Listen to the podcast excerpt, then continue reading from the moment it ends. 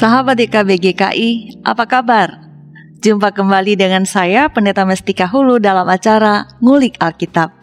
Pada episode ini kita akan mengulik Injil Lukas pasal 2 ayat 46 sampai 52 dan pasal 3 ayat 23 dengan tema Injil Tibet tahun-tahun Yesus yang hilang. Untuk mengulik tema yang menarik ini telah hadir bersama saya di studio ada Bapak Pendeta Yohanes Bambang Mulyono. Halo Pak, apa kabar? Baik Ibu Tika. Baik, terima kasih telah menjadi narasumber kembali di Ngulik Alkitab. Sama-sama Ibu Tika. Baik, para sahabat, Bapak Pendeta Yohanes Bambang Mulyono yang juga disapa dengan Bapak Pendeta YBM saat ini melayani sebagai uh, pendeta Universitas Kristen Maranatha Bandung. Sahabat sekalian, acara ngulik Alkitab yang tiap minggu hadir di hadapan Anda diadakan sebagai sarana bagi kita untuk belajar dan mendalami kitab suci serta melihat relevansinya dalam kehidupan kita sehari-hari.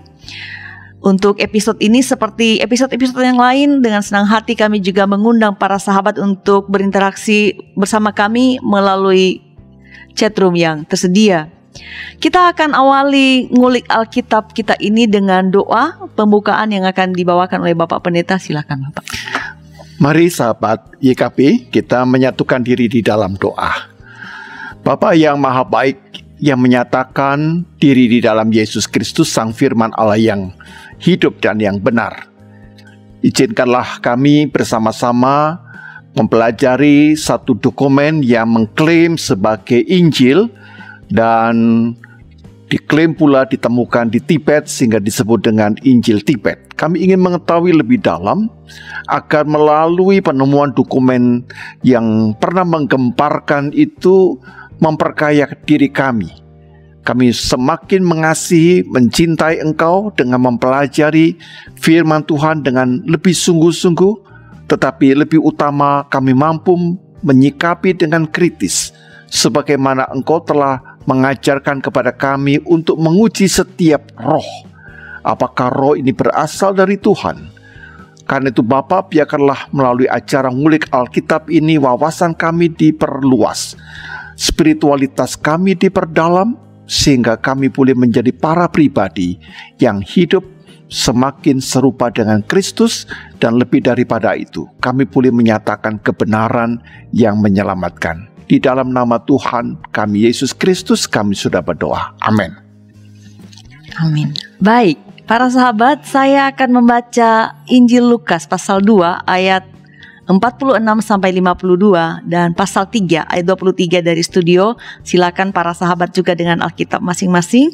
Lukas pasal 2 ayat 46 sampai 52 dan kemudian pasal 3 ayat 23. Saya mulai dari pasal 2 ayat 46.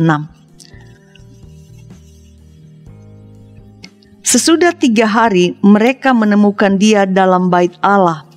Ia sedang duduk di tengah-tengah alim ulama sambil mendengarkan mereka dan mengajukan pertanyaan-pertanyaan kepada mereka. Dan semua orang yang mendengar dia sangat heran akan kecerdasannya dan segala jawab yang diberikannya.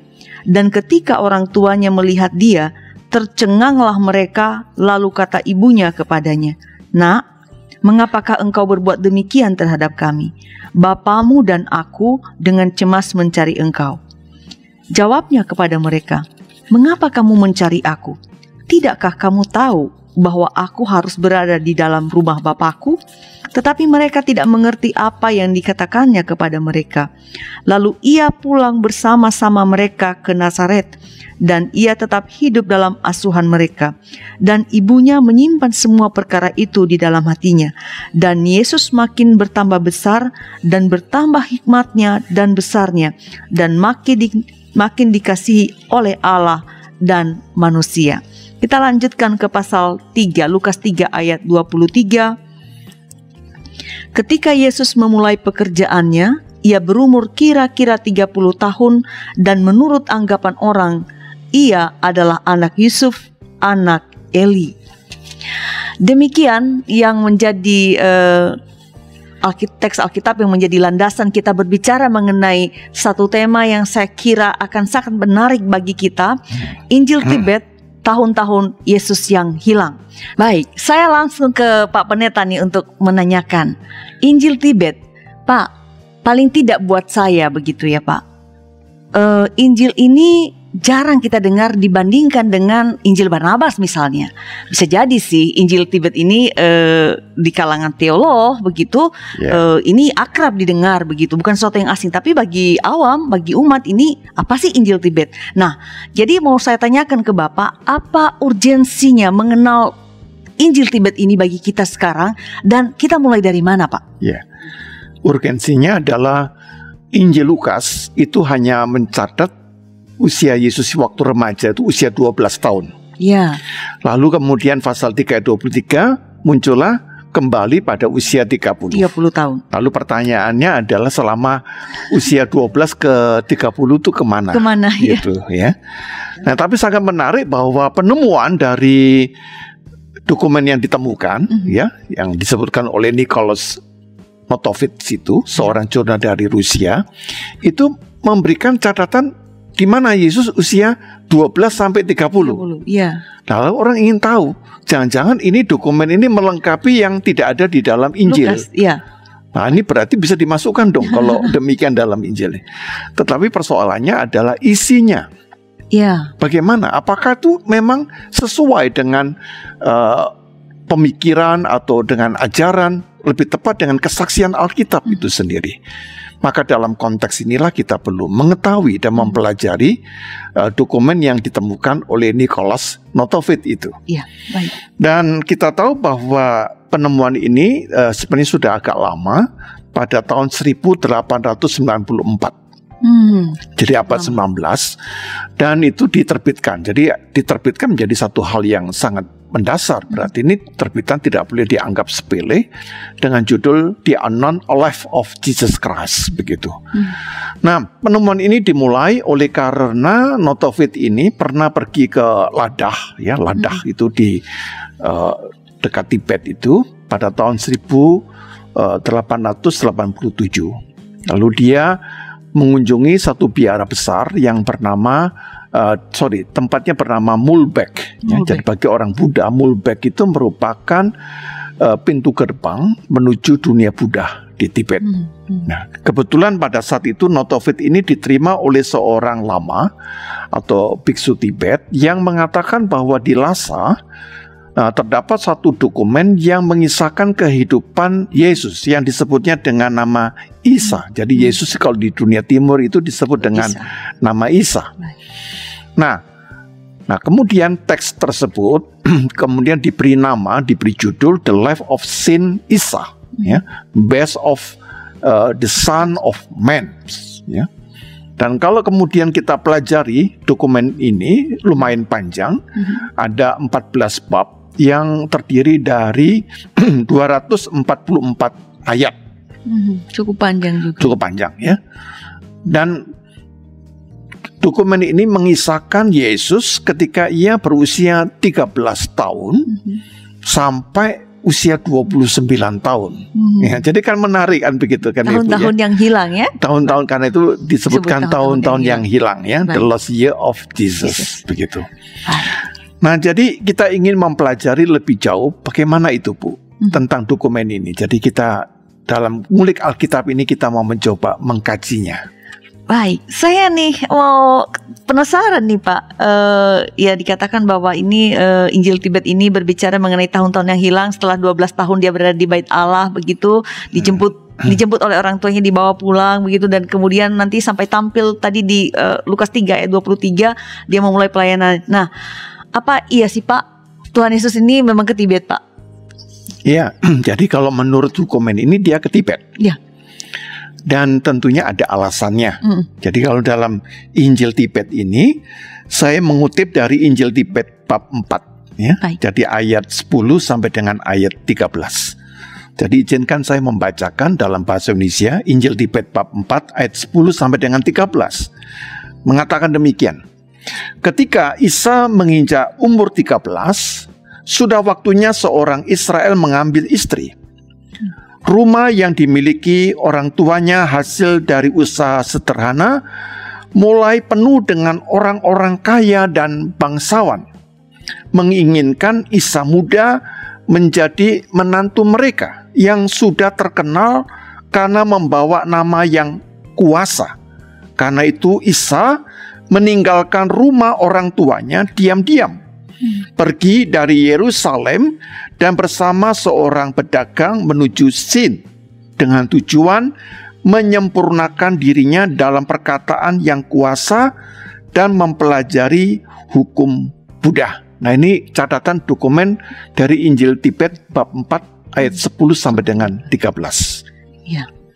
Nah, dari dari uh, Injil Tibet yang barusan Bapak baca bab 4 ini uh, ayat 10 sampai uh, 13. 13 ini jadi saya mau menanyakan ini ke Bapak nih. Uh, semoga tadi para uh, sahabat uh, menyimak dengan baik bahwa dikatakan di sana pada umur 13 menurut tradisi uh, Tuhan Yesus karena dianggap sebagai uh, manusia biasa begitu, biasa. dia dikehendaki menikah karena umur 13 itu mestinya menikah, tetapi dia meninggalkan rumah orang tuanya diam-diam dan disebut di sana kalau di dalam Lukas 2 yang saya baca tadi ayat 46 itu dan seterusnya sampai 52 dikatakan dia dari Nazaret dan kembali ke Nazaret. Tapi Injil Tibet mengatakan uh, Yerusalem. Jadi pertanyaan saya ke Bapak nih, dua hal menggelitik saya. Apa iya sih Pak?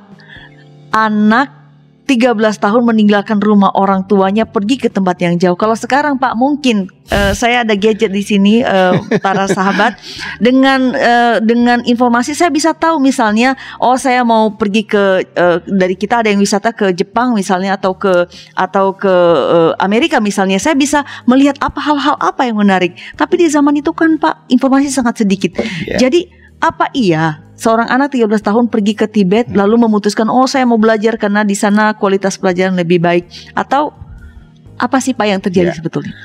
Jadi di dalam Injil Tibet itu tetap dipercaya bahwa Yesus ini memang bagian dari yang ilahi. Baik. Begitu. Jadi dia punya pengetahuan ilahi, dengan pengetahuan ilahinya dia tahu bahwa uh, tempat yang paling cocok, yang tepat di, mana dia belajar itu adalah Tibet, Baik. gitu ya. Jadi Baik. dia tidak pakai GPS ataupun pakai ya. informasi ya. dari ya. apa namanya Google, ya, tapi dengan pengetahuan pengetahuan ilahinya itu dia tahu bahwa tempat yang hmm. bisa dia uh, apa namanya Datangi. memperlengkapi dirinya ini adalah Tibet, Baik. gitu.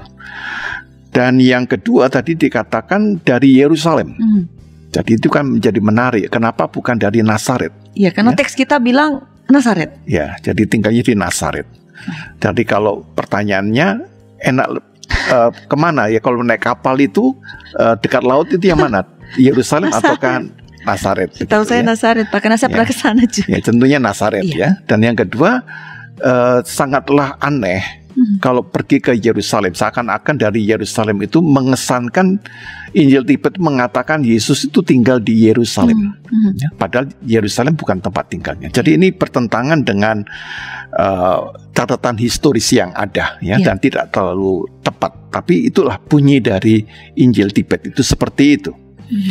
Nah, dan yang kedua kalau saya tangkap ada satu kontradiksi Ibu. Baik. Ya, kontradiksinya adalah yang pertama dia uh, menghindari untuk dinikahkan.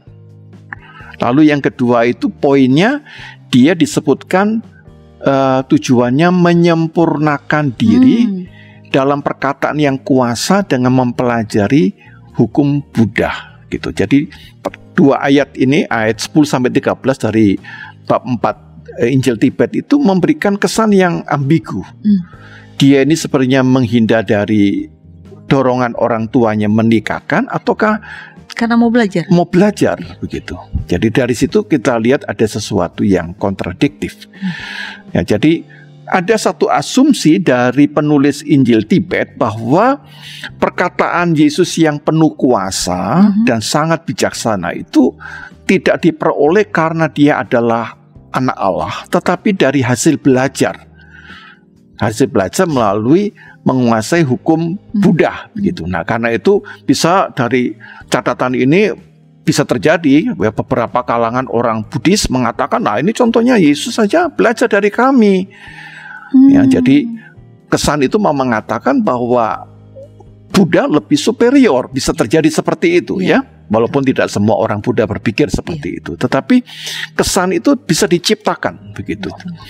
Nah, sebenarnya kalau ya ya nggak apa-apa gitu, tapi bagi saya yang benar secara historis itu ya. bisa nggak dibuktikan ya. ya jangan sampai itu hanya menjadi satu anggapan ya hipotesa dugaan-dugaan ya yang diciptakan begitu hmm. kalau itu historis tentunya saya sebagai ya. teolog ya akan mengakui tetapi nanti kita akan menguji isi dari uh, dokumen yang menyebut dirinya adalah Injil Tibet itu Baik, itu baru pengantar kita masuk ke Injil Tibet bahwa ada beberapa hal yang kontradiktif dengan catatan-catatan sejarah atau fakta.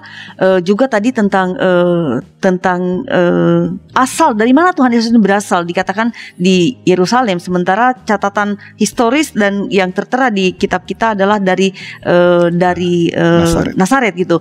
Lalu selain dua hal ini, ini kan baru pengantar nih Pak. Selain tentang uh, apa namanya uh, asalnya, lalu uh, apalagi hal-hal uh, di awal yang perlu kita pahami mengenai Injil Tibet ini, ya. Pak? Jadi yang menarik bahwa dalam Injil Tibet itu uh, gambaran Allah, hmm. ya. Jadi mau nak mau saya harus membacakan sebentar uh, Injil Tibet bab 5 ayat 12 sampai dengan 19 ya agak panjang tapi hmm. tidak terlalu panjang juga ya. Izinkan saya membacakan ya disebutkan demikian. Hakim abadi, roh abadi, satu roh alam semesta yang tak terlihat, yang mana hanya seorang diri menciptakan, mengetahui dan mengatasi segalanya. Ia seorang diri telah menciptakan, ia telah ada dalam keabadian, dan keberadaannya tidak akan berakhir. Tidak ada yang setara dengannya, baik yang di sorga maupun di bumi.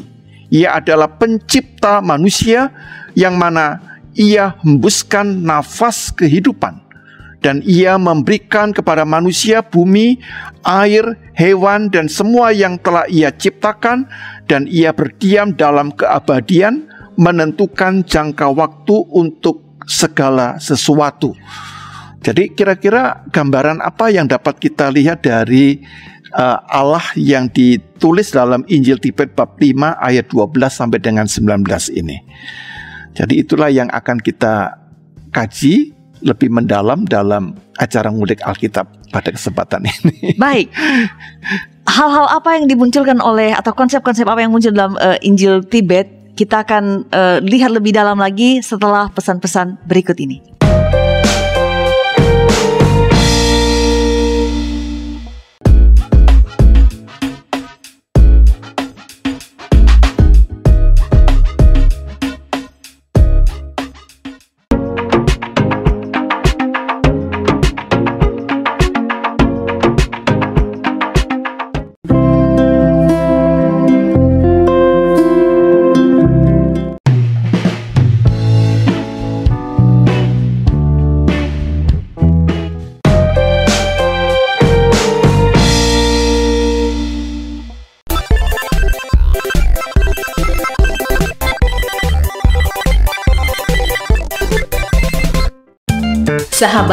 Mari dukung pelayanan dan pekabaran Injil melalui YKB dengan membagikan link acara ini kepada sebanyak mungkin orang.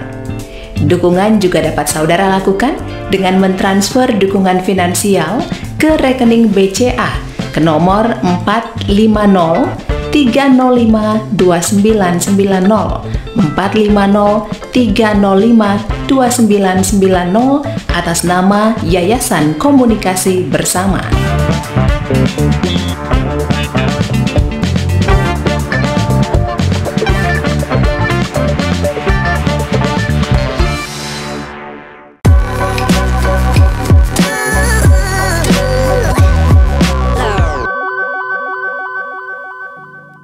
Masih bersama saya Pendeta Mestika Hulu dan masih juga dengan narasumber kita Bapak Pendeta Yohanes Bambang Mulyono atau Bapak YBM dalam acara Ngulik Alkitab.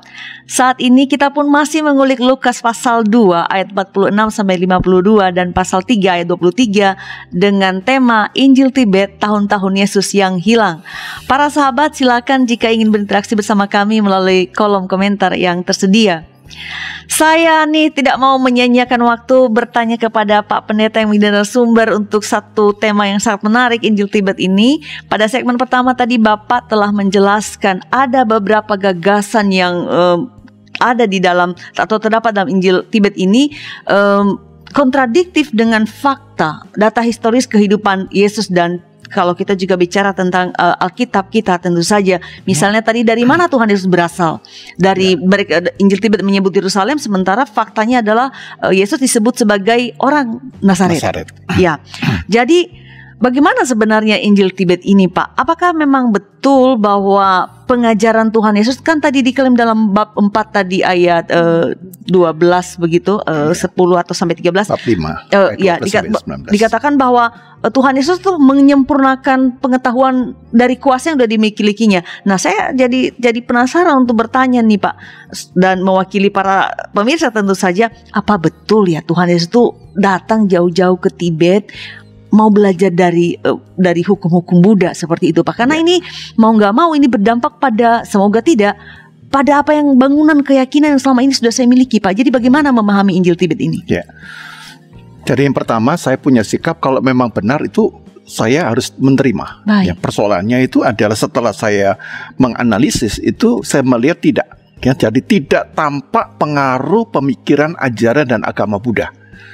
Jadi otomatis saya ya untuk membandingkan saya harus mempelajari juga ya buku-buku. itu harus digarisbawahi dulu ya Pak ya. harus mempelajari juga gitu Baik. ya supaya saya bisa bersikap objektif ya. Baik. Jadi ini yang penting adalah kalau memang Yesus pernah belajar dari ajaran agama Buddha itu kan gampang sekali. Maka akan kelihatan dari pola pemikirannya hmm. Yesus. Lalu akan kelihatan dari peristilahan-peristilahannya Lalu yang ketiga akan kelihatan dari ide atau gagasan yang memang khas Buddha gitu. Ya. Tetapi setelah saya pelajari bahwa itu tidak terlihat. Tidak terlihat. Tidak terlihat. Ya. Jadi contohnya tadi disebutkan konsep tentang Allah. Ya. ya. Jadi yang digambarkan tadi dalam gambaran Allah yang disebutkan di dalam uh, bacaan tadi yang saya sebutkan misalnya hakim abadi, roh hmm. abadi, satu roh alam semesta yang tak terlihat ya lalu seorang diri menciptakan dan tidak ada yang setara dengannya baik yang di sorga dan di bumi mm-hmm. lalu ia pencipta manusia menghembuskan nah itu kan di dalam konsep Buddha tidak pernah digambarkan Allah itu sang pencipta yeah. jadi tidak ada uh, satu kaitannya karena apa sudah uh, di dalam uh, konteks ini Buddha itu mengajarkan tentang apa yang disebut dengan anitya ya anitya atau anikah mm-hmm. ya. Jadi dalam kehidupan manusia termasuk yang ilahi itu tidak ada yang tetap ada. Jadi tidak ada yang ada ada dalam pengertian kita hmm. ya. Jadi tidak ada sesuatu yang tetap ada. Artinya segala sesuatu itu di dalam konsep anitya atau anika itu menjadi. Segala sesuatu itu menjadi. Jadi misalnya Buddha itu menggambarkan kalau kita berdiri di tepi sungai, mm -hmm. lalu kita itu melangkahkan diri ke air, maka air yang kita injak itu bukanlah air yang sama, selalu baru.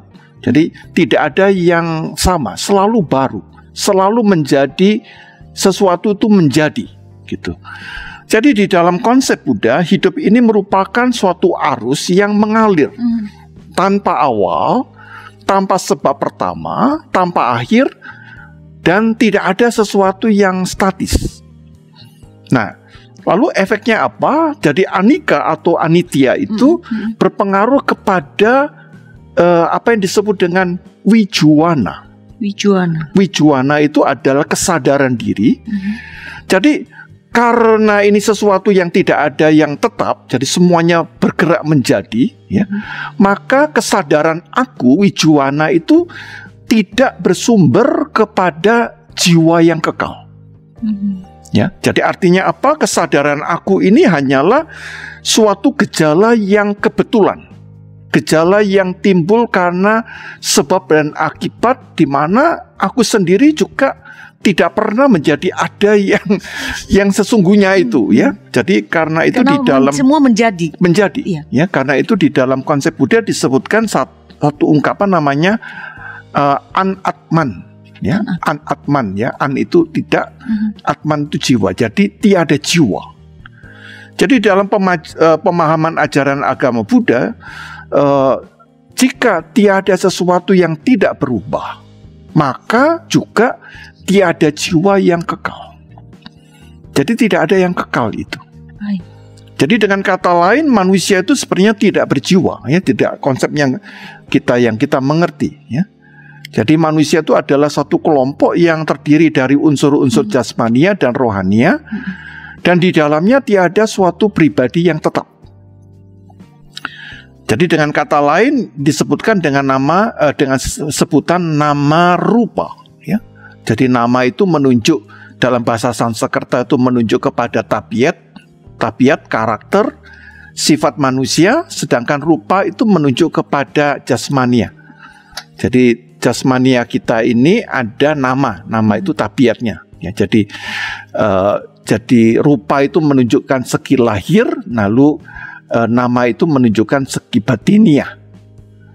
Jadi di dalam segi batinnya yaitu kesadaran, hati dan budinya, sedang lahirnya itu adalah yang tampak ya, tampilan fisik ini begitu. Jadi oleh karena itu uh, tidaklah mungkin Yesus itu diajar oleh Buddha karena Injil tidak pernah mencatat hal itu. Ya. Ya, keempat Injil, tulisan-tulisan bahkan kekristenan tidak pernah mengenal pemahaman seperti itu. Kemudian yang kedua boleh saya sebutkan dalam konsep keselamatan. Atau boleh saya balik sedikit Pak sebelum kita lanjut ke Ya, uh, konsep boleh. keselamatan. Uh, Bapak menyebutkan bahwa uh, di dalam konsep uh, Buddha atau ajaran Buddha, hukum Buddha uh, tidak ada yang yang di uh, apa kekekalan, hal yang kekal. Semua menjadi becoming mungkin seperti itu. Nah, saya dari tadi tuh uh, menyimak baik karena uh, sahabat bukan hanya sahabat yang baru dengan Injil Tibet, saya juga baru tentang Injil Tibet. Tapi saya saya penasaran dan saya tergelitik mau menanya begini. Kita mengenal Allah adalah Alfa dan Omega.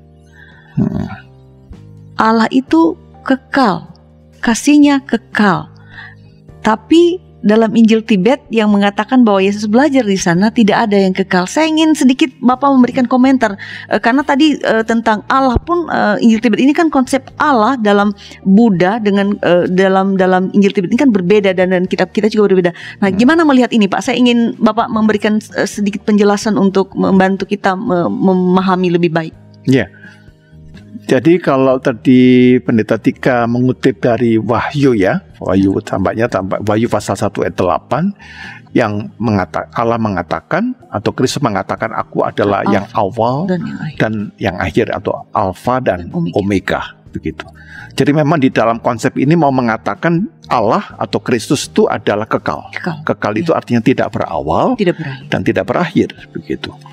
Tetapi di dalam konsep Buddha itu tidak ada. Nah. Ya segala sesuatu itu adalah menjadi, Hmm. bergerak menjadi. Tidak ada yang pasif. Dan tidak ada awal, tidak ada yang akhir. Hmm. Terus dia menjadi terus berproses begitu. Nah, dari sana kita bisa melihat bahwa gambaran yang ada di dalam Injil Tibet itu sama sekali tidak terakomodir ya Hmm. dan tidak ada satu perkataan Yesus yang menyatakan hal itu. Jadi dengan kata lain bahwa tampaknya penulisan Injil Tibet, Tibet itu ini, ya. ditulis oleh orang yang tidak terlalu mengerti tentang agama Buddha itu sendiri begitu ya tapi dia menyebut-nyebut bahwa eh, Yesus belajar dari agama Iya. Buddha jadi kalau memang prakteknya apa namanya dokumennya itu memang Iya. benar itu tidak masalah Iya. Tetapi tampaknya si penulisnya itu tidak menguasai tentang agama Buddha itu sendiri. Begitu. Eh, saya ingin menanyakan itu untuk mempe- mem- me- apa Bapak me- lebih menjelaskan itu lebih sedikit lebih banyak. Karena kita di ngulik Alkitab eh, saya kira ada jemaat-jemaat kita yang juga eh, barangkali nanti akan bertanya-tanya. Lalu eh, Injil Tibet Tibet menjadi membuat penasaran dan eh, supaya tidak menjadi membingungkan nanti kenapa kok ngulik Alkitab mengangkat sesuatu yang yang eh, yang mendatangkan kebingungan. Jadi eh, tentang konsep ini memang perlu dipahami eh, Iya. baik supaya ini bukan kita di sini, uh, Pak Pendeta tidak sedang mengajak kita untuk kemudian mengagumi Injil Tibet dan kemudian meragukan kita, tapi kita sedang yeah. berusaha mencari tahu kebenaran uh, yang beredar di luar sana, tidak walaupun tampaknya mem memesona, tapi tidak berarti bahwa itu uh, lebih baik dari atau uh, lebih benar dari apa yang uh, kitab suci yang uh, menjadi pegangan kita. Baik, kita lanjutkan kalau konsep tentang Allah dan konsep tentang manusia yang ada dalam Injil Tibet sebetulnya juga kontradiktif dengan uh, dengan uh, Buddhis atau uh, uh, ajaran Buddha sendiri uh, tadi Bapak sudah sempat menyebut tentang keselamatan. Lalu bagaimana dengan keselamatan? Apakah ini ya. kemudian uh, hmm. sama atau bagaimana, Pak? Ya. Jadi kita coba uh, pelajari ya. ya. Jadi konsep keselamatan Buddha itu bagaimana? Hmm. Jadi di dalam konsep keselamatan Buddha itu apa yang disebut dengan pemadaman keinginan, ya. Pemadaman keinginan namanya pemadaman tanha. Nah, itu yang disebut dengan nirodah, ya, nirodah. Nah, kita bisa melihat di dalam bagian uh, misalnya uh, kitab Fuji ya yang disebut Arya Satyani ya, hmm. Arya Satyani yang keempat itu mengajarkan tentang jalan kelepasan. Dan kita tahu bahwa dalam pelajaran yang dulu kita hmm. juga pernah ingat di SMA itu ya, yeah. ada misalnya pelajaran agama Buddha itu ada delapan tingkatan itu ya. Orang mau selamat ya, Betul. itu adalah satu yang pertama satu percaya yang benar. Kedua maksud yang benar ya. Kemudian ketiga kata-kata yang benar. Yang keempat adalah perbuatan yang benar. Mhm. lalu berikutnya hidup yang benar ya. Usaha yang benar. Ingatan ingatan yang benar dan semedih atau berdoa yang benar ya. Jadi delapan tingkatan ini harus dicapai kalau manusia mau selamat begitu. Nah, tetapi kalau kita kembali kepada konsep keselamatan yang di dalam Alkitab juga tidak ada.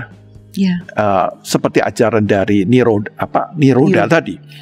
Nah, izinkan saya di, uh, mengutip dari Injil Tibet bab 9 ayat 4 ya, ya di Injil Tibet bab 9 ayat 4 menyatakan. Ini kata-kata dari Injil Tibet ya. Di hadapan kejahatan ini Isa mengatakan kepada rakyat Israel untuk tidak putus asa. Karena hari penebusan dosa sudah dekat dan ia mengingatkan kembali kepada mereka kepercayaan terhadap Tuhan leluhur mereka. Nah, di sini disebutkan di dalam Injil Tibet keselamatan itu dengan penebusan dosa. Ya, coba misalnya uh, acara ngulik Alkitab dibaca oleh teman-teman Buddhis Ya kan mereka ya juga menolak. Kami tidak pernah mengenal keselamatan dengan penebusan dosa. Ya. Nah, tetapi Injil Tibet mengajarkan dengan penebusan dosa. dosa. Begitu. Ya. Nah, ini contoh bahwa Injil Tibet ini uh, sepertinya mengkamuflasekan ya, menyamarkan uh, ajaran Buddha seakan-akan ini adalah yang seperti ini. Buddha mengajarkan penebusan dosa ini, padahal tidak ada itu.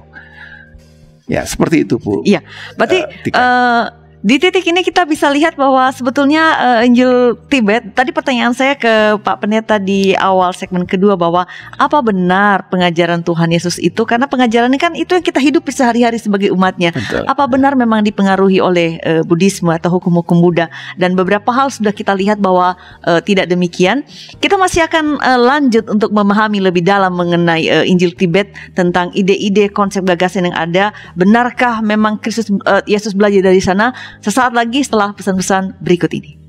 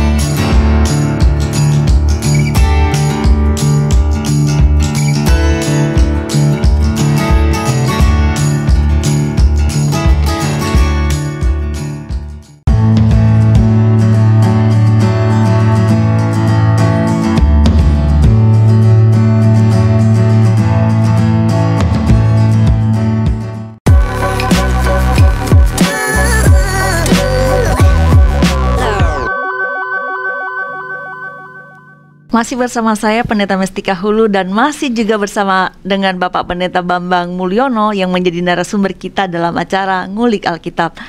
Kita masih juga mengulik Lukas pasal 2 ayat 46 sampai 52 dan pasal 3 ayat 23 dengan tema Injil Tibet tahun-tahun Yesus yang hilang. Ini adalah segmen terakhir kita, namun para sahabat masih dapat berinteraksi bersama kami melalui uh, kolom komentar yang tersedia. Saya mau langsung ke Pak Pendeta YBM. Tadi Bapak mengatakan di uh, baik di uh, di segmen pertama maupun yang kedua bahwa Injil Tibet ini ada kontradiktif uh, di sini di dalamnya bahwa uh, baik dengan hukum-hukum uh, Buddha atau ajaran Buddha yang dianggap yang diklaim menjadi uh, apa uh, sumber pengajaran Kristus dan dengan uh, uh, dengan pengajaran Kristus sendiri yang kita yang ada dalam kitab suci kita. Nah, uh, tentang Allah misalnya yang tadi saya sudah tanyakan juga kita me menganut me memercayai bahwa Allah itu kekal alfa dan omega begitu. Tentang manusia juga berbeda, tentang keselamatan juga berbeda baik dengan dengan Buddhis atau dengan uh, pengajaran Buddha maupun dengan Kristen sendiri. Nah, Pak, apa selanjutnya um, yang perlu kita perhatikan dari Injil Tibet yang sedang kita ulik ini? Hmm dan saya penasaran Pak, saya mau nanya ke Bapak, sebenarnya nih Pak, dari mana sih Injil Tibet ini gitu loh? Nggak dari Buddhis dan nggak dari kekristenan, dari mana sih Pak? Supaya ya. para sahabat juga menjadi clear untuk memahami. Ya. Jadi izinkan saya sebelum menjawab pertanyaan Silakan, Pak. Pendeta Tika ya.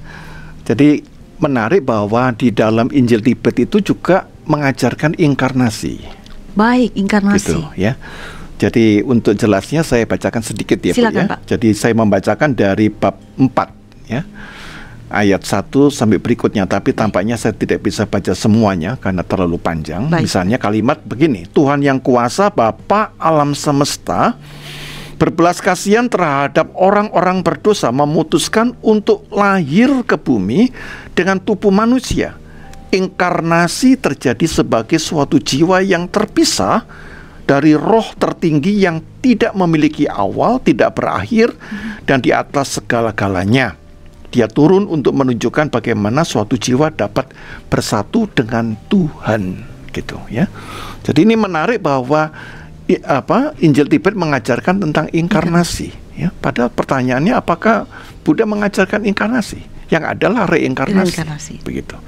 Dan yang kedua adalah di sini sangat jelas yang tidak ada di dalam Alkitab yaitu bahwa manusia dapat bersatu dengan, dengan Tuhan. Tuhan. Nah, kata bersatu inilah yang tadi Ibu Tika tanya apa yang uh, apa sumbernya dari mana? Sumbernya, nah, itu dari, sumbernya dari mana?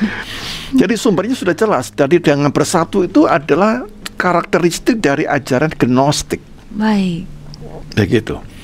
Jadi dalam ajaran gnostik itu menempatkan roh atau jiwa sebagai yang paling mulia dan lebih suci dari tubuh jasmani manusia. Jadi ketika kita meninggal itu roh kita akan kembali menyatu, melebur dengan roh uh, yang maha kuasa, ya, dengan roh yang tertinggi itu.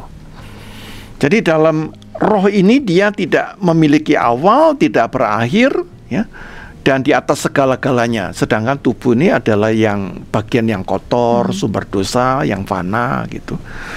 Jadi yang kedua dalam ajaran gnostik itu jelas memisahkan secara radikal hmm. antara tubuh dengan jiwa. Ya, jadi bagaimana untuk mencapai kebahagiaan yaitu kalau kita bisa melepaskan uh, tubuh ini dari jiwa kita gitu. Jadi roh manusia itu kalau bisa melebur ya dan bersatu dengan Allah, maka manusia akan mencapai satu kebahagiaan. Yaitu di dalam bahasa Jawa itu sebutnya uh, manunggaling kawulo ing Gusti.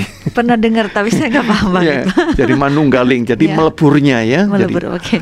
Jadi dalam konsep Hindu juga dipengaruhi misalnya uh, Atman itu Brahman ya. Hmm, misalnya baik. orang Hindu juga berkata aham Brahman asmi tatuan asih. Jadi jadi engkau adalah Brahman gitu. Jadi jadi ingat itu ya. Nah, kalau kita sampai lupa bahwa kita nih maka orang Hindu menyebutnya awidya. awidya. awidya itu artinya ketidaktahuan bahwa dirinya adalah sang Brahman. Mm. Begitu.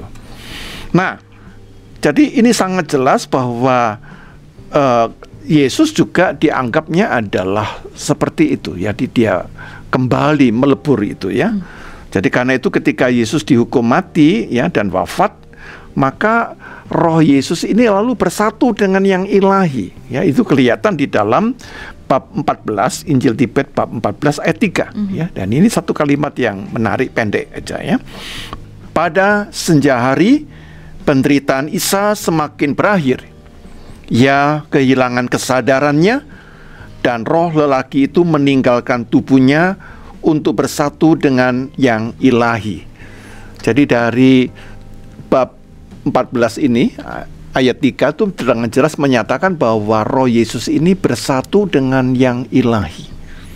Jadi jelas sekali bahwa pengaruh gnostik itu sangat kuat mewarnai mhm. pemikiran Injil Tibet ini. Ya, dan gagasan yang ada di dalam Injil Tibet. Jadi dia tidak dipengaruhi oleh uh, Buddhisme sama sekali tidak, ya. Seperti itu, Budika. Baik uh, Yesus dianggap seperti manusia biasa saja bahwa dia mati kemudian dia uh, rohnya uh, jiwanya melebur dan kembali ke yang ilahi dan ini sesuatu yang yang berbeda dengan apa yang uh, kita pahami secara kekristenan. Hmm. Baik, apa selanjutnya yang karakteristik atau hal-hal yang perlu kita lihat bahwa uh, pertama tadi pertanyaan saya dari mana ini Injil ini berasal dan Pak Pendeta menjelaskan bahwa ini sebetulnya ini hasil hasil kerjaannya gnostik yang notabene-nya yeah. ditolak oleh kekristenan. Uh, Oke, okay. tadi Bapak sudah sempat menyinggung sedikit mengenai bagaimana mereka melihat kematian Yesus bahwa dia yang di atas salib itu kemudian uh, dia uh, saya kutipkan apa yang Bapak katakan barusan bahwa uh, dalam bab uh, 14 ayat 3 itu bahwa roh lelaki itu maksudnya Yesus meninggalkan tubuhnya dan kembali kepada yang ilahi. Nah, selanjutnya bagaimana Injil Tibet memandang tentang kematian Yesus itu, ya, Pak? Jadi menarik bahwa pertama Injil Tibet menegaskan tentang Yesus wafat di atas kayu salib. Baik. Jadi berita tentang kematian Yesus itu bukan hanya Injil, tapi ya. di luar itu pun juga menyatakan kematian ya kematian Yesus. Jadi saudara-saudara kita yang menolak kematian Yesus di atas kayu salib saya kira tidak punya landasan historis yang kuat ya. gitu ya. Bahkan dokumen-dokumen sejarah pun juga menegaskan itu. Lalu yang menarik bahwa dalam Injil Tibet itu yang dianggap paling bertanggung jawab itu adalah Pilatus, Ibu. Yang cuci ya? tangan itu ya. ya. baik, Pilatus. Jadi itu Pilatus lah yang bertanggung jawab dalam arti apa? Pemimpin agama Yahudi dan Sanhedrin ini justru yang membela. Wow. yang itu membela Yesus. Yang berbeda juga ya. Ya, berbeda baik. secara apa? historis, historis. juga. Jadi Pilatus lah yang menyalibkan dan pemimpin-pemimpin agama Yahudi ya orang-orang Farisi ahli Taurat imam-imam ini membela jangan sampai Yesus itu disalibkan Salibkan, begitu. Iya. Dan yang berikutnya jenazah Yesus ini oleh Pilatus diserahkan kepada orang tuanya untuk dikubur ya dekat tempat ia dihukum mati. Nah kalau ini benar bu bahwa Yesus itu dikubur dekat ia disalibkan. Iya. Kemudian yang menarik bahwa Pilatus masih punya pemikiran untuk memindah uh, makam Yesus ke tempat lain karena Pilatus ini khawatir Yesus ini dapat bangkit dari kematiannya. Jadi hal ini apa muncul ya catatan yeah. yang semacam ini. Yeah. Jadi kalau kita lihat bahwa sebagaimana tadi saya tegaskan bahwa penulisan atau pemikiran dari Injil Tibet sangat dipengaruhi oleh Gnostik sehingga hmm. kalau dari sana saya bisa memperkirakan penulisannya adalah di atas abad keempat begitu. Baik. Jadi 400 tahun setelah uh, Yesus uh, wafat dan bangkit gitu. Baik. Dan intinya Injil Tibet mau memberitakan bahwa Yesus yang benar itu adalah Yesus Gnostik gitu.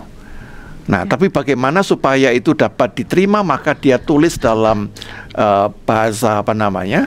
Sanskerta ya, hmm. supaya bisa diterima oleh orang Hindu dan orang Buddha. Buddha. Ya, tapi sayangnya dia sendiri tidak menguasai dengan baik ajaran Hindu dan Buddha itu yang menjadi masalahnya. Jadi mungkin nanti bisa kita lihat lebih jauh tentang apa yang apa ya um, jadi titik lemah dari Injil Tibet itu. Baik. Dari apa yang Bapak katakan barusan bahwa di, ditulis uh, Injil Tibet ini ditulis dalam bahasa Sanskerta dan uh, ini tadi barusan Pak Pendeta mengatakan uh, penulisnya ini punya misi. Uh, misinya adalah bagaimana dia membuat Injil yang ditulisnya dalam bahasa Sanskerta ini diterima oleh uh, saudara-saudara uh, kaum uh, Hindu dan kemudian kaum uh, kaum Buddha. Makanya saya tersenyum. Oh, ternyata ada misinya. Makanya dia dia mencoba me membungkusnya yeah. dengan dengan dengan seolah-olah ini dari ajaran Buddha padahal ini dari Gnostisisme karena dia ingin ini diterima yeah. dengan baik. Nah, itu uh, tadi yang uh, Bapak sudah sampaikan. Lalu dari uh, terjawab sudah bahwa sebetulnya Injil Tibet ini adalah uh, lahir dari pemikiran gnostisisme dengan sebuah misi yang barusan uh, hmm. saja tadi uh, di, ditegaskan juga oleh uh, Pak Pendeta hmm. dan kemudian saya kutip lagi. Nah, Uh, dengan sudah memaparkan konsep-konsepnya, ide-idenya di dalam uh, tentang Kristus, tentang Allah dan lain-lain, terutama tentang Kristus karena kita sedang membahas tentang tahun-tahun Yesus yang hilang apa yang juga perlu kita lihat Pak yang kalau dia uh, tadi kita lihat beberapa hal yang kontradiktif itu kelemahan mendasar hmm. yang uh, dari Injil Tibet ini uh, kenapa kita perlu tahu itu supaya kita juga uh, tidak menjadi apa ya mungkin uh, tidak menjadi lengah uh, ketika entah bukan hanya Injil Tibet, saya malah terpikir gini Pak. Sekarang uh, pernah muncul Injil Barna, uh, Barnabas misalnya. Sekarang kita belajar Injil Tibet. Kita nggak tahu lagi tiba-tiba ditemukan yang lain. Tapi paling nggak ini menjadi sesuatu yang bisa membekali kita untuk melihat uh, bahwa mengcross check uh, apa yang kita sudah ketahui dari Injil dari Kitab Suci dengan hal-hal yang baru. Lalu hmm. dengan Injil Tibet apa kelemahan yang bisa kita lihat hmm. sehingga itu juga bisa memperlengkapi kita untuk membekali kita dalam kehidupan sehari-hari. Ya. Jadi tadi saya menyebutnya bahasa Sanskerta, tapi sebenarnya saya baru ingat itu ditulis dalam bahasa Pali, Bu. Baik. Jadi bahasa, bahasa Pali. Pali yang sifatnya lebih menunjukkan kemampuan seorang yang hidup dalam lingkungan Buddhis, Baik. begitu. Dan yang kedua, uh, dokumen ini sempat menggoyahkan karena juga beberapa pakar uh, seperti orang-orang Buddhis ya yang terkenal misalnya bernama Swami namanya suami AB Dananda ya itu mengklaim bahwa dokumen ini benar Baik. dan juga ada juga seorang uh, tokoh uh, namanya Medem Kaspari ya jadi mengatakan dokumen ini benar begitu jadi karena itu pertanyaan ibu sangat mendasar, lalu kelemahan yang mendasarnya di mana ya. gitu ya. Jadi kalau kita lihat dari cara membacanya, jadi kita mau tidak mau harus membaca begitu ya. ya. Dari kita membaca lalu kita melakukan studi ya, dengan ajaran Buddha itu sendiri ya maka kita bisa melihat bahwa ada perbedaan yang sangat jauh ya sangat kontradiktif lagi. Signifikan ya Pak? Ya, signifikan di mana Buddha saja tidak pernah berpikir seperti ini. Tetapi Injil ini yang mengklaim mendapatkan ajaran Buddha justru menyatakan yang tidak pernah dipikirkan oleh Buddha itu misalnya tadi adalah penebusan dosa ya. Inkarnasi. Ya tentang inkarnasi Baik. ya. Itu contoh tidak ada itu ya. Nah kira-kira seperti itu yang harus kita lihat dan karena itu yang harus kita tanya adalah sebenarnya Alkitab itu ingin mau mengatakan apa walaupun pendek ya. Yesus itu ada di mana itu yang penting itu ya jadi kita harus kembali kepada uh, bagian kita dokumen Alkitab itu yang harus menjadi rujukan yang penting dalam konteks ini. Baik, saya mau uh, mau ini tadi ada sedikit ralat dari uh, Pak Pendeta uh, bahwa Injil Tibet ini ditulis dalam bahasa Pali bukan dari uh, dalam bahasa Pali jadi supaya kita uh, bisa uh, lebih memahaminya. Nah, um, sebelum saya mengajukan ke pertanyaan ke Bapak, saya uh, ingat tadi bahwa Bapak menjelaskan bahwa uh, Injil Tibet yang sedang kita bahas ini, uh, kita bicarakan dalam ngulik Alkitab ini dipengaruhi oleh Gnostisisme dan tadi juga Pak Pendeta sudah menjelaskan sedikit tentang Gnostisisme dan barangkali uh, para sahabat juga para pemirsa uh, tahu uh, bahwa gnostisisme itu ditolak oleh kekristenan karena alasan-alasan yang yeah. uh, tadi sempat juga disebutkan oleh Pak Pendeta. Nah, kita kembali ke tema kita. Tadi Pak Pendeta barusan mengatakannya juga yang kita ulik sekarang itu adalah Lukas 2 ayat 46 sampai 52 dan 3 ayat 23 tentang ke manakah Tuhan Yesus tahun-tahun yang hilang itu setelah 12 tahun dia berada di bait Allah gitu mengajar bertanya jawab dengan alim ulama dan dijemput oleh orang tuanya Ke manakah Pak? Saya bertanya langsung nih ke Bapak nih sekarang. Ke manakah Tuhan Yesus setelah penampilannya yang memukau di depan publik itu di usia 12 tahun itu Pak? 12 yeah. tahun rasanya saya belum bisa berdebat sama orang Pak. ini ada, ada bisa. Sehingga yeah. ia kembali ke depan publik tadi kita baca di dalam yeah. pasal 3 ayat 23 itu di usia 30 yeah. tahun dan memulai pelayanannya gitu. Yeah Itu yang mau kita uh, saya yang kita uh, bicarakan dan saya mau nanya ke Bapak nih sekarang.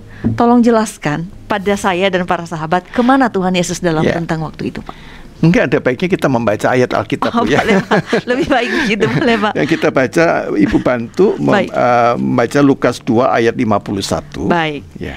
Eh, ini juga menjadi bagian dari eh, memang teks kita hari Ya. ini Eh, di Lukas pasal 2 ayat 51 eh, setelah dia penampilan memukau dalam eh, bait suci lalu ia pulang bersama-sama mereka ke Nazaret dan ia tetap hidup dalam asuhan mereka dan ibunya menyimpan semua perkara itu di dalam hatinya.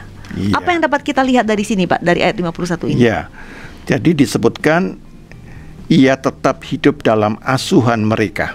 Hmm, Itu kuat kalau kita perhatikan teks eh, Yunani ya. baik. Jadi en hupotasu menos atois. Ya, jadi hupotasu menos itu dari kata dua kata. Hupo itu kan di bawah. Di bawah. ya terus taso itu artinya perintah didikan Hmm. atau asuhan jadi di bawah asuhan didikan jadi sangat jelas Injil walaupun ini satu ayat tapi mengunci semua hal Hmm. jadi Yesus itu setelah umur 12 sampai dengan 30 ya di bawah Asuhan didikan asuhan ya perintah orang tuanya Wow. jadi dengan kata lain selama 12, eh, 18 tahun antara usia 12 sampai 30 tahun ya Yesus ada di Nazaret. Dan dia belajar di situ tentang bagaimana mempelajari ya sebagai orang Israel. Nah, bentuknya bagaimana? Nah, itu saya memberi catatan yaitu kita harus melihat tahapan pendidikan anak orang Yahudi pada zaman dahulu Baik. ya. Jadi itu ada tiga periode yang penting. Yang pertama adalah mikrah, pendidikan mikrah. Mikrah itu membaca Taurat sampai usia lima tahun. Baik. Jadi dia harus tamat itu ya mikrah. Nah setelah mikrah dia naik ke tahap namanya misnah. Misnah. Misnah itu eh, apa namanya belajar ya eh, Taurat lebih mendalam ya di mana dia mempelajari Misnah itu lalu sampai usia 12. Jadi pada konteks ini kita bisa melihat bahwa Yesus ini ya antara eh, ini ya Misnah. Lalu setelah itu dia masuk pada tahap Talmud. Jadi Mikrah, Misnah, Talmud. Nah, Talmud ini pada usia 13 tahun. Ya. Jadi setelah itu dia kemudian eh, diangkat menjadi anak Taurat, ya. Nah, Itu tahapannya ya, Pak? Ya, baru kemudian tahap yang lanjutannya namanya tahap midras.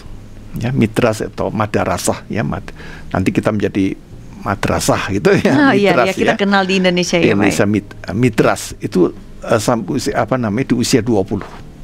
Dia dia belajar midras itu nah pada usia 30 barulah dia boleh mengajar di depan umum, di depan publik. Jadi saya eh, melihat bahwa Yesus ini usia 12 ke atas sampai dengan usia 30 itu dia di Israel di Nazaret lalu dia mengalami empat tahap tadi ya. Mikra, Misna, Talmud dan Midras baru kemudian dia bisa mengajar. Tahapan itu memang harus dilalui untuk bisa menjadi seorang pengajar. Iya, harus dilalui. Dan karena itu kita melihat bahwa kata-kata Yesus itu sangat mencerminkan kemampuan dia tentang hukum Taurat, tentang kitab para nabi dan sebagainya. Dan itu adalah tidak ada sedikit pun ada nada atau istilah dari gnostikme tentang Dan Buddha. Buddha ataupun tentang ajaran-ajaran yang tidak dikenal oleh orang Yahudi. Baik. Eh, hal ini saya kira penting ya. Saya mau ulang apa yang dikatakan oleh Pak Pendeta bahwa tahapan pendidikan di Israel karena eh, ya yang sedang kita ulik adalah tahun-tahun yang susah yang hilang. Ke mana dia 18 kurang lebih 18 tahun itu? Ya wajar kalau untuk bisa menjadi khatam mereka harus belajar dulu, jangan datang-datang eh, kemudian memberikan eh, pengajaran kita sendiri tidak paham. Tadi bapak mengatakan, saya tertarik itu yang saya mau sedikit eh, ulas begitu bahwa uh, pelajaran empat tahap itu mikra, misna uh, dan kemudian ada Talmud, Talmud kemudian dan midras Midras. itu yang mengambil waktu cukup lama begitu.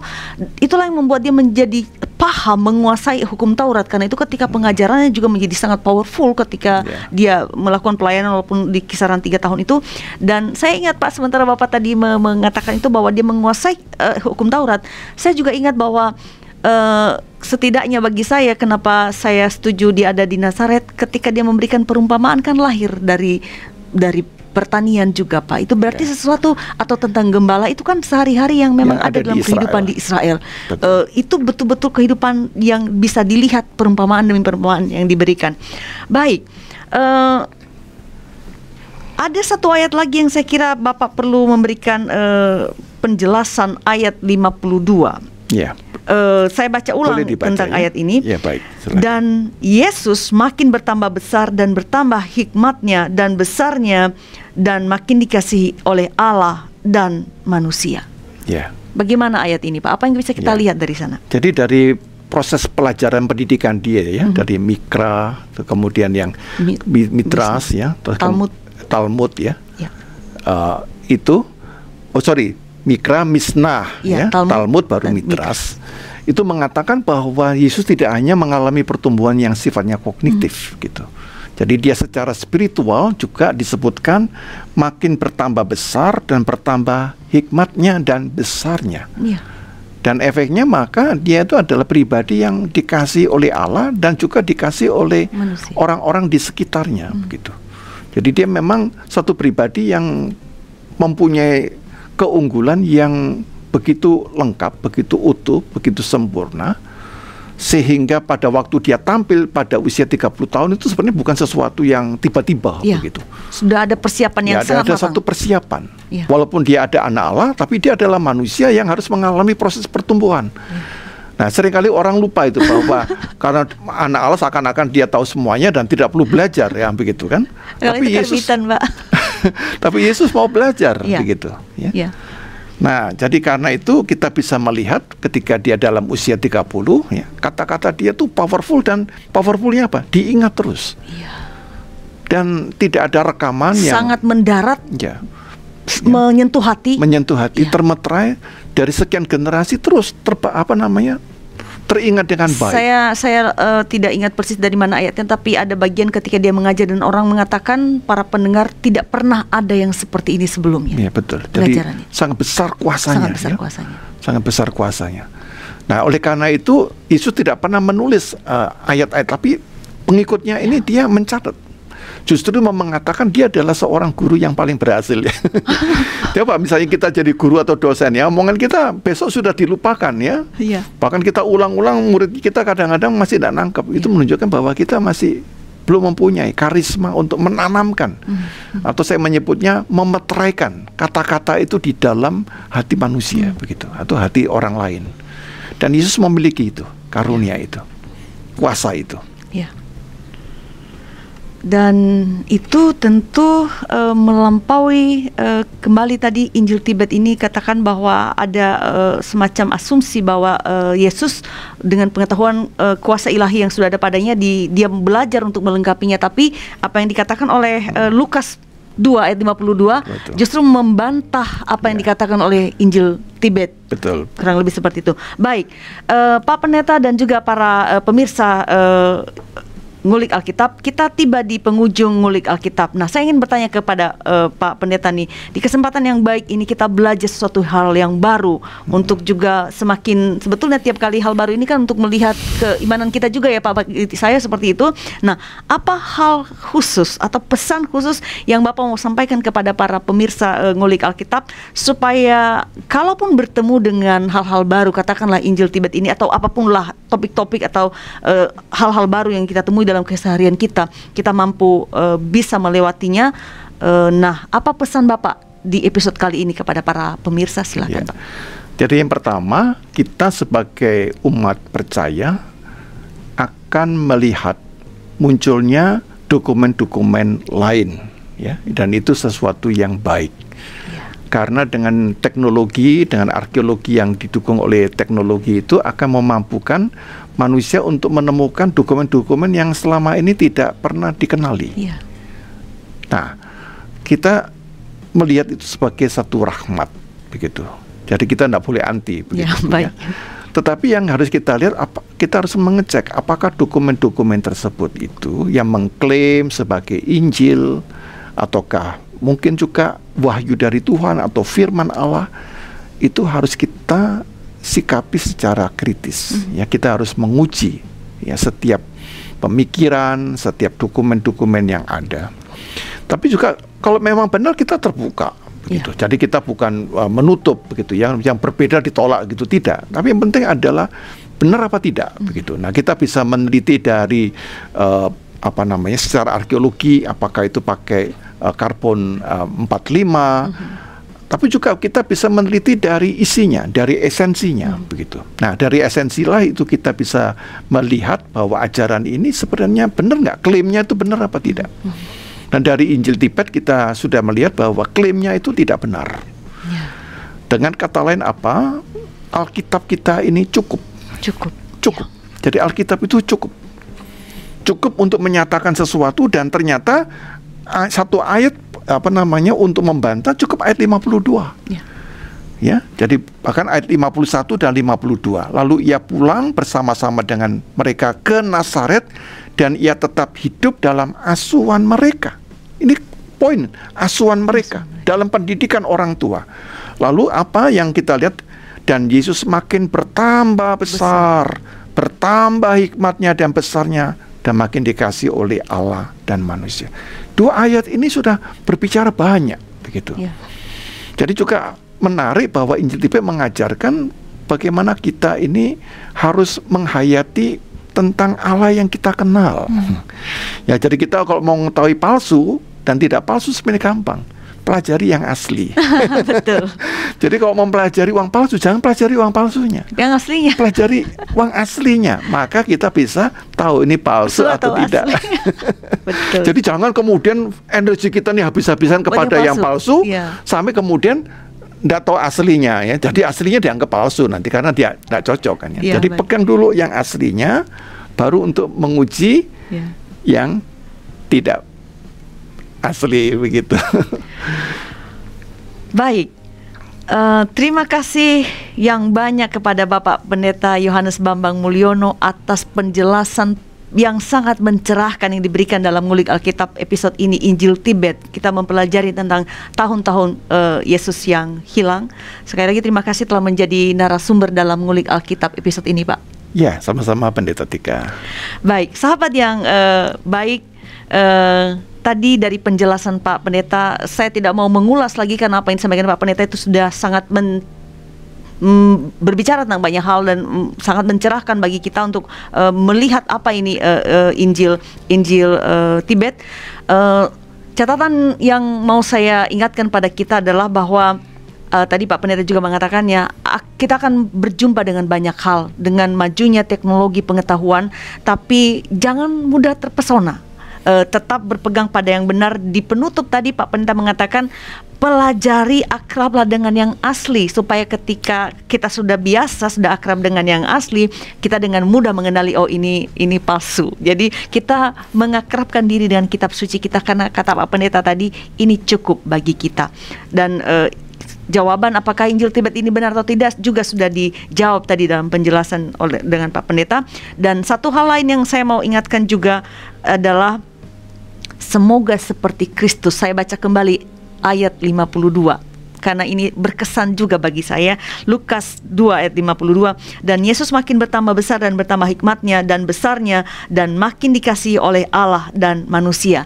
Kiranya kita pun seperti Kristus mau terus belajar bahwa apa yang kita pelajari menjadikan kita orang yang lebih baik semakin dikasihi Allah dan semakin dikasihi manusia juga. Artinya hidup kita memberikan manfaat di mana pun kita ada.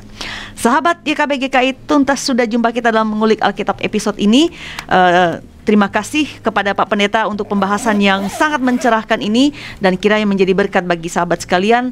Terima kasih untuk kebersamaan Anda dan sampai jumpa pada episode yang akan datang. Jangan lupa di like, di subscribe juga sebagai dukungan bagi ngulik Alkitab dan dibagikan kepada banyak orang lain agar mereka pun diberkati. Kita akan akhiri dengan doa oleh Pak Pendeta. Silakan Bapak. Oh, baik. Mari kita berdoa para sahabat YKP. Terpujilah namamu ya Tuhan, Allah yang menyatakan diri di dalam Yesus Kristus, yang melalui Kristus engkau menyatakan siapakah dirimu, dan di dalam Kristus engkau menyatakan tentang kebenaran. Dan kebenaran dalam perspektif yang engkau nyatakan barulah bermakna jikalau kebenaran itu membebaskan. Bapa yang maha baik, ampuni kami sering kali kami hidup dalam kebenaran-kebenaran yang kami anggap sebagai yang paling baik tetapi kebenaran-kebenaran itu sesungguhnya hanyalah pembenaran-pembenaran diri kami. Pimpinlah kami supaya kami tidak hidup di dalam pembenaran-pembenaran diri, tapi hidup di dalam kebenaran-kebenaran Tuhan yang membebaskan, yang membebaskan kami dari pemikiran yang sempit, yang dangkal, pemikiran yang uh, jauh dari nilai-nilai iman, kebenaran yang menjauhkan kami dari kekudusan, dari cinta kasih. Melalui dokumen Injil Tibet kami dapat belajar bagaimana kami harus bersikap untuk hidup kudus, bukan dalam rangka untuk mencari satu proses melebur bersatu dengan Tuhan, tapi kekudusan kami lakukan karena Engkau sendiri adalah kudus yang memanggil kami di dalam karya penebusan Kristus. Kekudusan hanya dapat terjadi ketika kami percaya kepada Engkau sebagai juru selamat kami. Mampukan kami ya Roh Kudus supaya dalam hari-hari selanjutnya kami diberikan roh hikmat seperti Kristus sehingga kami boleh hidup semakin berkenan di hadapan Tuhan dan dikasihi oleh Allah dan sesama kami. Terpujilah nama Tuhan dalam nama Bapa, Putra, dan Roh Kudus. Amin. Amin.